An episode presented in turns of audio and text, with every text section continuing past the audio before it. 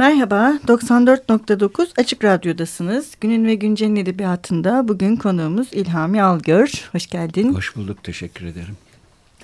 İlhami Algör 1955'te İstanbul Suriçin'de doğdu. Ee, 2007 yılında Çanakkale Yalı Hanı ve Han Sakinleri adlı kitabı, 2008'de Karabakal Ötüyor adlı eseri, 2010'da Masekorda Kardeş adlı kitabı, umarım doğru söylemişimdir. Yakın. 2013'te Kalfa ile Kralıça, 2015'te fakat Müzeyyen bu derin bir tutku. E, yine 2015'te Albay'ın beni Nezahat ile evlendir ama aslında bu kitapların yayın tarihi 1995. Bu yayın, yayın evinin kronolojisi. Evet yayın evinin kronolojisi. Hmm. ilk defa 1995 yılında yayınlanıyorlar. Evet ilk Müzeyyen ilktir. Evet.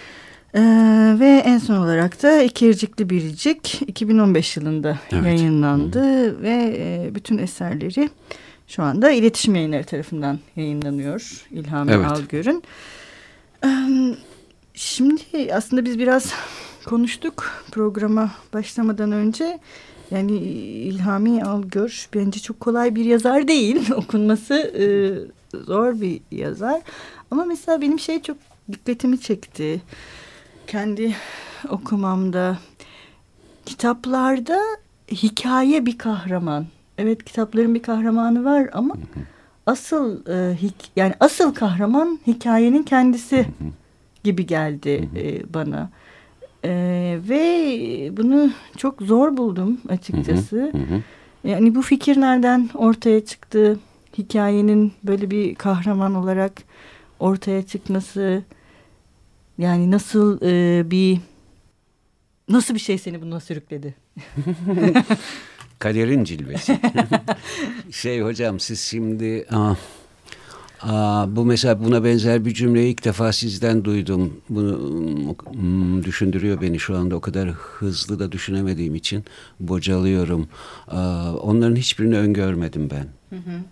Yani e, hikayenin kendisi de bir kahraman olsun.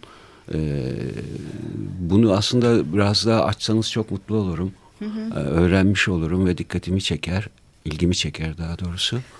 Ee, yani aslında şöyle bir şey Buyurun. düşündüm. Yani anlatmak hani anlatmak ve anlaşılmak bir mesele, bir dert.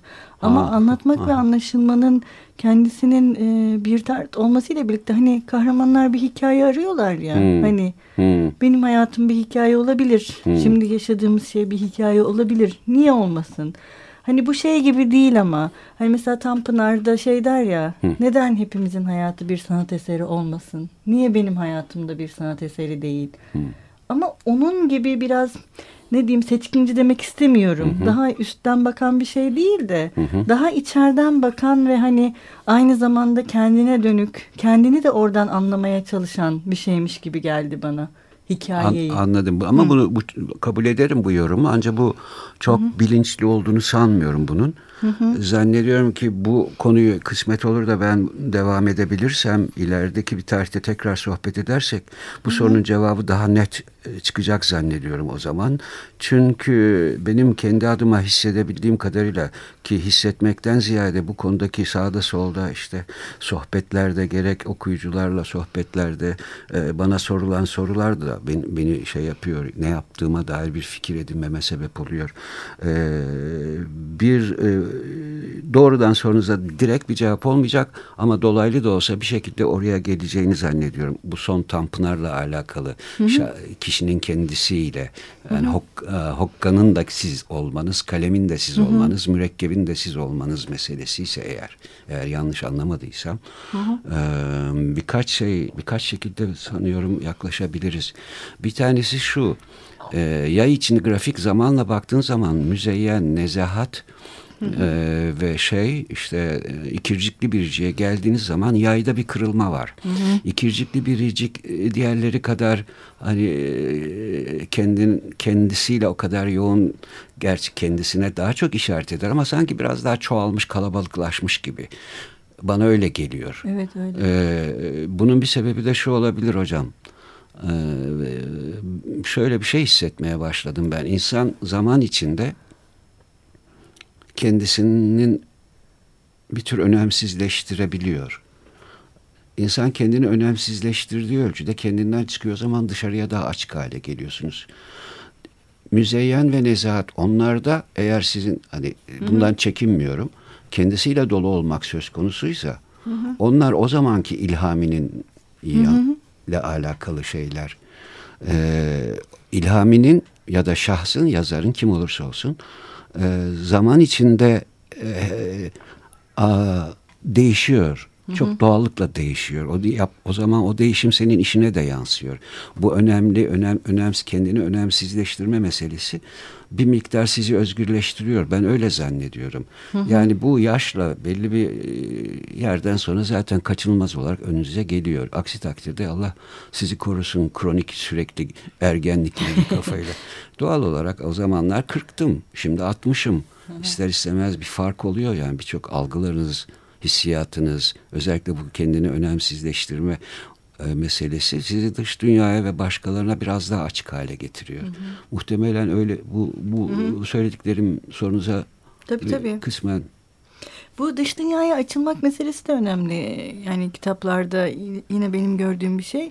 Mesela hiçbir zaman biz şeyden ari değiliz bir okur olarak. Ee, kitaplarda hep sokak, sesler, oradan geçen insanlar, görüntüler. Bu kitaplardan mı söz evet, ediyoruz? Evet. Ha. Sesler Bu bir hep, soru mu? Hayır karışıyor yani hmm. hep o sesler. Hmm. Ee, bu ses meselesi niye böyle? Hep Bu, karışmak zorunda mı? Yani bilmiyorum ya yolun devamında nereye varır Hı-hı. bilmiyorum ama bunun buna dair de birkaç şey var. Bir tanesi bir şey var, bir kulak meselesi var. Hı. O çocukluktan beri gelen bir kulak meselesi var. Bunu ıı, çok ıı, aa, daha önce de ıı, söz konusu oldu. Bir tekrar olacak belki kusura bakmayın ama Yok, e, bu sözlü kültür meselesi benim kuşağımla Hı-hı. alakalı. E, bir tür mahalle kavramıyla alakalı. Hı hı. E, sesler hepsi oradan biriken yani Suriçi İstanbul'un yapısını biliyorsunuz. Yani hı hı. ben 55 doğumluyum. Hani 60'lardan beri herhalde e, kulağım açılmıştır en azından.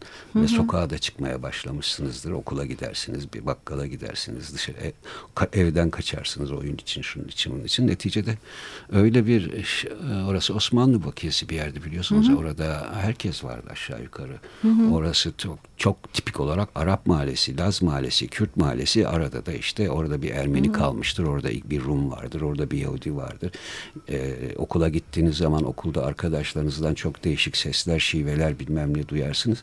Zannediyorum ki sesler çocuklukla alakalı bir kulakla ilgili bir problem olabilir. Bu bir sapma, bir defo da olabilir ama e, bir sesler Yo, bir, meselesi var. Yok bir defo olarak değil de hani bu e, şey gibi yani hikayenin kendisine eşlik eden e, sesinde onu beslemesi gibi hani sözünü ettiğin sözlü kültürün aynı zamanda anlatıyı ve yazıyı beslemesi. Tamam oraya devam Hı. edebilir miyim? Tabii. Şimdi bu bir düzlemdi az Hı. önceki. İkinci düzlem şu. Siz o toplam içinde hangi e, kelime, cümle nasıl bir ses grafiğiyle çıkarsa ne anlam oluşturur konusunda ister istemez bir kulak ediniyorsunuz. Hı. Yani biz de biliyorsunuz çocukları severken eşyol eşek falan da derler. Yani şimdi eşyol eşek demenin de on biçimi var ya. Hı hı. Yani e, bazıları sevgi sözcüğü olarak hı. algılanıyor. Bazen de başka bir yere gidiyor. Yani bu iki uçta kim bilir kaç versiyon var. Bunlar kulakta kalan şeyler. Ee, bir artı daha şeyle de geliyor. Onun ses deyince belki müzik ya da musikiyi de dahil etmek lazım. Ee, e, bütün bu şarkılar ve türküler e, ister istemez insanın bir yerinde birikiyor ve e, toplam o diğer ses grafikleriyle beraber benim şimdi izah edemediğim orada bir hacim oluşturuyor. Hı hı. Ve siz onlar sizde var ve siz eğer yarın öbür gün herhangi bir anlatıyla meşgul olduğunuz zaman eğer sese ihtiyacınız olursa duruma uygun şey arşivden geliyor adeta. Hı, yani herhangi bir durum olduğu zaman diyelim ki hikayenin akışı içinde şimdi acaba oraya hangisi denk düşer diye içeriden bir tür his ile ya da bir otomatik bir programla size geliyor. Yani ben şimdi burada derdimi ummana döktüm, asumana inledim mi vurgulayayım. Yoksa bir bozlak mı çağırayım yoksa başka bir şey mi çağırayım? Aşağı içeride bir şey var. Bir arşiv var. Ve onların her birinin arkasında da hani kendine göre hem e, ses grafikleri hem söyleyiş biçimleri hem manalarıyla beraber bu kadar ben bilinçli yapmıyorum bu işi. Zaten anlat birdenbire anlatmaktan vazgeçsem mi diye düşün. Yok öyle e, düşünmeyin bence.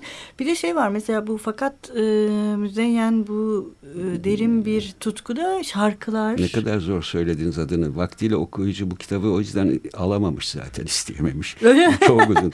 fakat müzeyyen bu derin bir tutku. Şimdi halk daha arasında, kolay söyledim. Halk arasında fakat müzeyyen olarak anılıyor. fakat müzeyyen bu derin bir tutku. Ben, e, şimdi daha rahat söyledim herhalde. Orada mesela şarkılar ve bir de film müzikleri, sinema. Zaten kapaklar ayrıca kitapların kendisi de bir şey olmuş. Hani bunu da konuştuk nesne olarak da. Şeyler de böyle değildi ama değil mi? İlk çıktıklarında. Yani böyle Aynı anda bir... üç şey söylediniz. Hangisine girelim? İlkinden başlayalım. Şimdi e, müzikler meselesi az önce konuştuğum şeyle alakalı. Yani bir laf var onu kullanıyorum kısa yol gibi ama aslında biraz da çok da şey değil. Hani çerçi yükünü satar diye bir laf var ya yani sende ne varsa onu yansıtırsın. Böyle söyleyince de aslında sözün arkasında sürdürmenin bir manası evet. kalmıyor. Bu özdeyişlerin böyle Hı-hı. berbat bir tarafı var tamam mı? Ha, Taşı evet. oraya kilit taşı gibi koyuyorsun. Yani şey sohbet gibi. kapanıyor. Tamam. Ee, müsaadenizle e, şeyi bir müzik arası verelim mi? Ha, Müzikten bu kadar verelim, bahsetmişken verelim, diye. Verelim. Ee, ne, ne çalalım? Mine Geçili hanımefendiden bir şey dinleyelim. Beni Sev adlı bir şarkı dinleyelim. Beni sev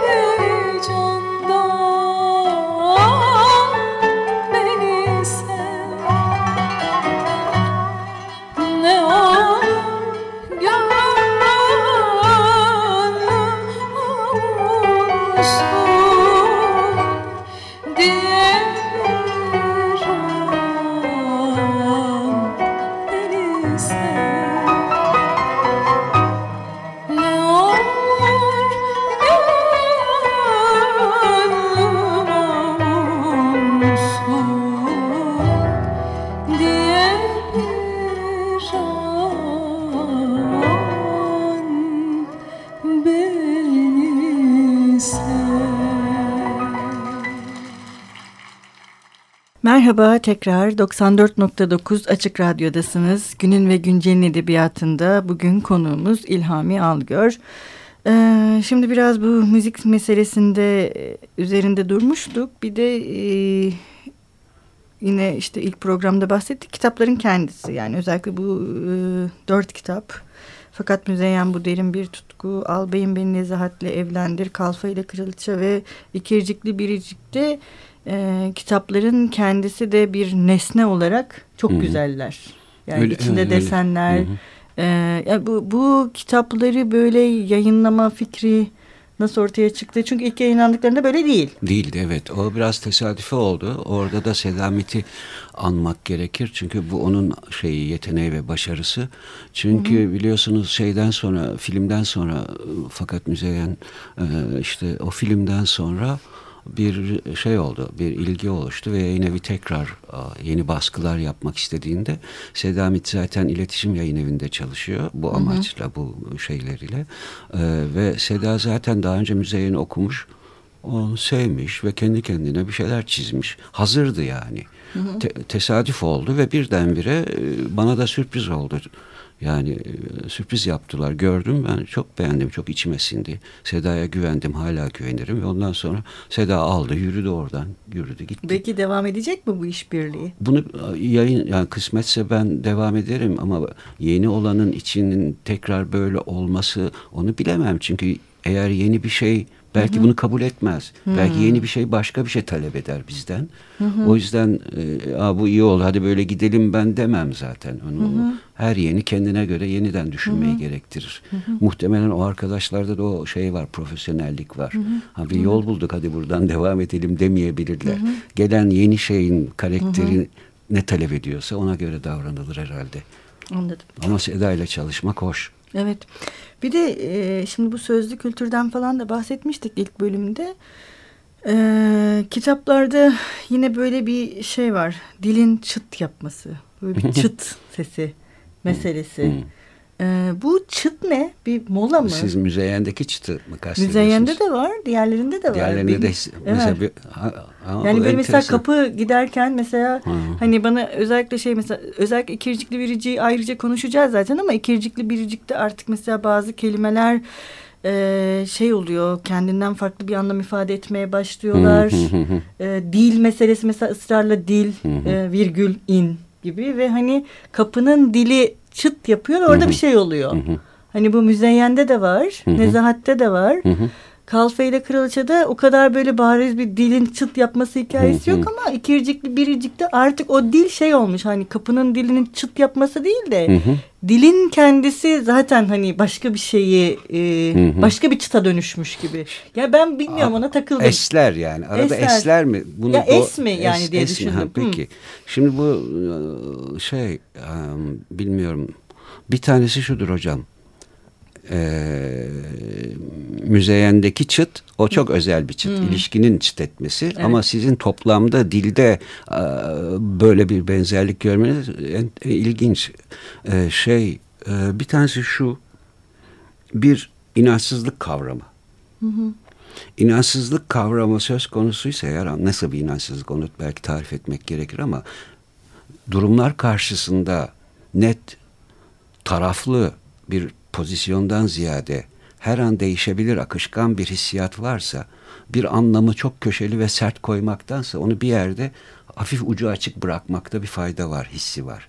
Hı hı. Yani bu biraz mizaçtır ya da birikimdir bilmiyorum ama bir şey çok net ve belirgin ve köşeleri sert bir şekilde e, koymaktansa hafif muğlak bırakmakta sanki e, okuyucu açısından da ya da kim kime gidiyorsa o ses o Hı-hı. tarafa da bir şey var. O istediği yer istediği gibi kendi içinde tamamlayabilir. Bu, bu bir varsayım, bu bir zannediyorum. Hı-hı. Çünkü biliyorsunuz bunları yaparken içeriden bir sezgisel bir şeyle Hı-hı. karar verirsiniz ve seçer ve da ona göre de şu üzerine tekrar konuşmak beni zorluyor. Hı hı. Ee, tereddütle konuşuyorum. Bir, hı hı. bir ikincisi başka bir şeydir. Aa, bu sorunun cevabı olabilir mi bilmiyorum hani lafın tamamı aptala söylenir. Hı hı. Üçüncüsü mesela bu hani az ve öz meselesi hı. var ya sözü mümkünse çok hani hı hı. E, bu bir yani buna benzer birkaç şey var sizin sorunuza muhtemelen cevap olabilecek bir şeyler daha vardı ama bu arada bu tereddüt anı içinde kaybettim. Ya şöyle bir şey olabilir Buyurun. mi diye düşündüm ben. Hani sonuçta yazarlar her şeyi planlayarak yapmıyorlar ya da onlar bir şeyleri planlasalar En azından ben yapmıyorum. Ha, ya da en azından e, bir şeyi planlamasalar da hani Hı. mesela okur olarak bir şeye takılıyorsunuz. Mesela Hı. ben bu çıt meselesine takılmışım. Bir şey daha ekleyeyim mi müsaadenizle eğer bölmüyorsam Hı. sizi. Şimdi bu bir, bir müzisyen duymuşsunuzdur. Anwar Brahem diye yazıyorlar. Ben ona Enver İbrahim diyorum. Onun mesela bir Astragan kafesi vardır. Orada Barbaros Erköse'ydi yanlış hatırlamıyorsam. O da klarnet çalar. Ee, Enver İbrahim de ud çalar. Enver İbrahim'in udu bildiğiniz makam musikisi temelli çalar ama bildiğiniz o diğer udlara pek benzemez. Çok sakin, acayip bir sakinliği vardır. Acayip ve arada böyle sessizlikler olur. O sessizlik de müziğe dahil. Hı. Burada da ona benzer bir şey eğer seziyorsanız e, evet. derdimi ifade ettim. Aslında şu anda tam da benim derdimi ifade ettiniz. Sen mi? Sizin, sizin derdiniz nedir hocam?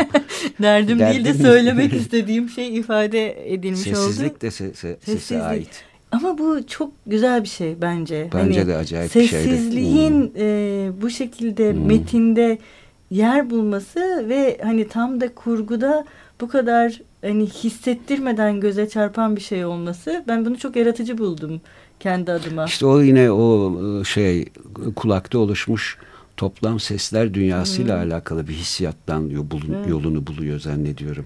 Onu ben şahsen Evet. Çok şahsi bir şey bulmuyorum. Evet tamam ben var onu inkar etmiyorum ama bu toplam ses dünyası, anlam dünyası, ifade dünyası e, oralardan yol bulduğumu zannediyorum. Hı hı. Bir şey daha ekleyeceğim. Bu biraz belki bilgiç, ukela olabilir ama mesela ben dün e, şeyden gelirken yolda trende şeyi okudum. Bu İbrahim Şahin Hoca'nın bir Tanpınar'da haz ve bir e, günah. E, günah onu onun bir biraz onu okurken dikkatimi bir cümle çekti. Tanpınar'a bir gönderme bu. Onun bir şeyi galiba tam hatırlamıyorum. Hazzı ara vermek arzuyu sürekli kılar. Hmm. Bu ağır bir laf. Çok enteresan. Bunun ayağa kalkarak konuşmalıyım ama e, bu çok enteresan. O yüzden kesinti ya da es aslında bir sürekliliğin bir ara evresi gibi geldi bana o cümleyi okuduktan sonra. Ben düne kadar o cümleyi bilmezdim. Hmm, ben de bilmiyordum. Hayırlı olsun. Evet. Öğrenmiş olduk. Ee, şimdi maalesef programımızın sonuna geldik. Önümüzdeki hafta İlhami Algör'le birlikte programımıza devam edeceğiz. Biz e, gerçi İlhami Algör yazarın sesiyle eserinin okunmasını çok doğru bulmadığını e, söyledi ama sanırım bizim program formatımıza uyacaktır. En azından uy diye düşünüyoruz ve e, okurlarına ve işte dinleyicilerimize yine onun... E, okuduğu bir sayfayla sizlere veda edeceğiz. Ne, nereden okumak istersiniz? Şeye girelim.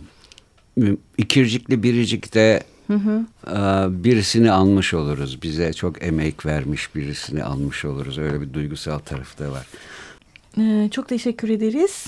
Ee, ben teşekkür ederim hocam. E, Hoşçakalın. Görüşmek üzere. Dün akşam koltuğumun altında gazete kağıdına sarılı orta boy bir paket ile meyhaneye girdim. Kapı ağzı masaya oturdum. Paketi masa ile duvar arasına yasladım. O esnada sert bir ses çıktı duvar ile paket ilişkisinden. O ne doktor dedi emektar garson, mezar taşı gibi. Servis arasında iki tek atan biridir. Haliyle espriye eğilimi oluyor. Mezar taşı doktor dedim. Üzerinde yeşil saplı kırmızı karanfil olanlardan. Birbirimize doktor deriz. Ben başlattım öyle kaldı. Adap edep sahibi adam. Bir mezar taşı ile neden dolaştığımı sormadı. Fakat bakışında merak gördüm. Ben de emeği vardır, cevabı hak eder. Duvara yaslayıp seyredeceğim. Güldü. Eliyle masa örtüsünü temizledi. Örtü zaten temizdi. Bir servis elemanı sipariş almaya hazır olduğunda elleri yerinde duramaz. Hiçbir şey yapmasa tuzlu alır iki santim kenara koyar. Her zamanki şeyleri söyledim. Beyaz peynir, üstüne iki damla zeytinyağı varsa kızarmış ekmek, ince kıyım roka, sarımsaklı, kırmızı biber turşusu masada renk olsun diye. Yirmilik rakı, yaprak ciğer. Gitti. Pakete baktım aklım orada. Göğsü karanfilli taş fikri bir süredir içimde bir yerlerde demleniyordu. Tesadüf oldu. Mezar taşı imal eden bir atölyenin önünde açıkta dizili mermerlerin arasında eksik ve cüce, isimsiz, tarihsiz küçük bir mezar taşı gördüm. Esasen ak mermere kazınmış yeşil saplı bir kır, karanfil çiçeği gördüm. Karanfili evde duvara dayalı halde hayal ettim. Hayal cazip geldi. Atölyeye girdim. Mermer tozuna bulanık birini buldum. Selam verdim, elini sıktım, derdimi anlattım, sardım gazete kağıdına yürüdüm. Belki de ardımdan delinin bir hatalı taşı koltukladı gitti şeklinde bir muhabbet dönüyordu. Beni bozmazdı. Ben yolda çakı bulmuş oğlan çocuğu neşesiyle dönüyordum. Genç bir eleman rakı ve kadeh getirdi. Buzu gönderdim, kullanmam. Ofis şıklığıyla bir kadın takım elbiseli iki adam kapıdan girdiler. Murad etmiş idik, nihayet vardık neşesiyle girdiler.'' Allah Hızır ve Odin neşelerini daim etsin. Neşesi olmayanı meyhaneden uzak tutsun. Turistlerler bir grup dünyalı pencere camına yapışmış, içerisinin nasıl bir yer olduğunu kestirmeye çalışıyorlardı. Bakışları altında vitrin mankeni gibi kaldım. Estelasyon diyorlar halk arasında. Beni rahatsız etmez, rakısı olana nazar işlemez. Mekanın kurucusu ihtiyar belirdi. Hemşin çınarı gövdesiyle. Geçti masanın diğer ucuna oturdu. O zaman nazar işlemez de kestim. Teşekkür ederim.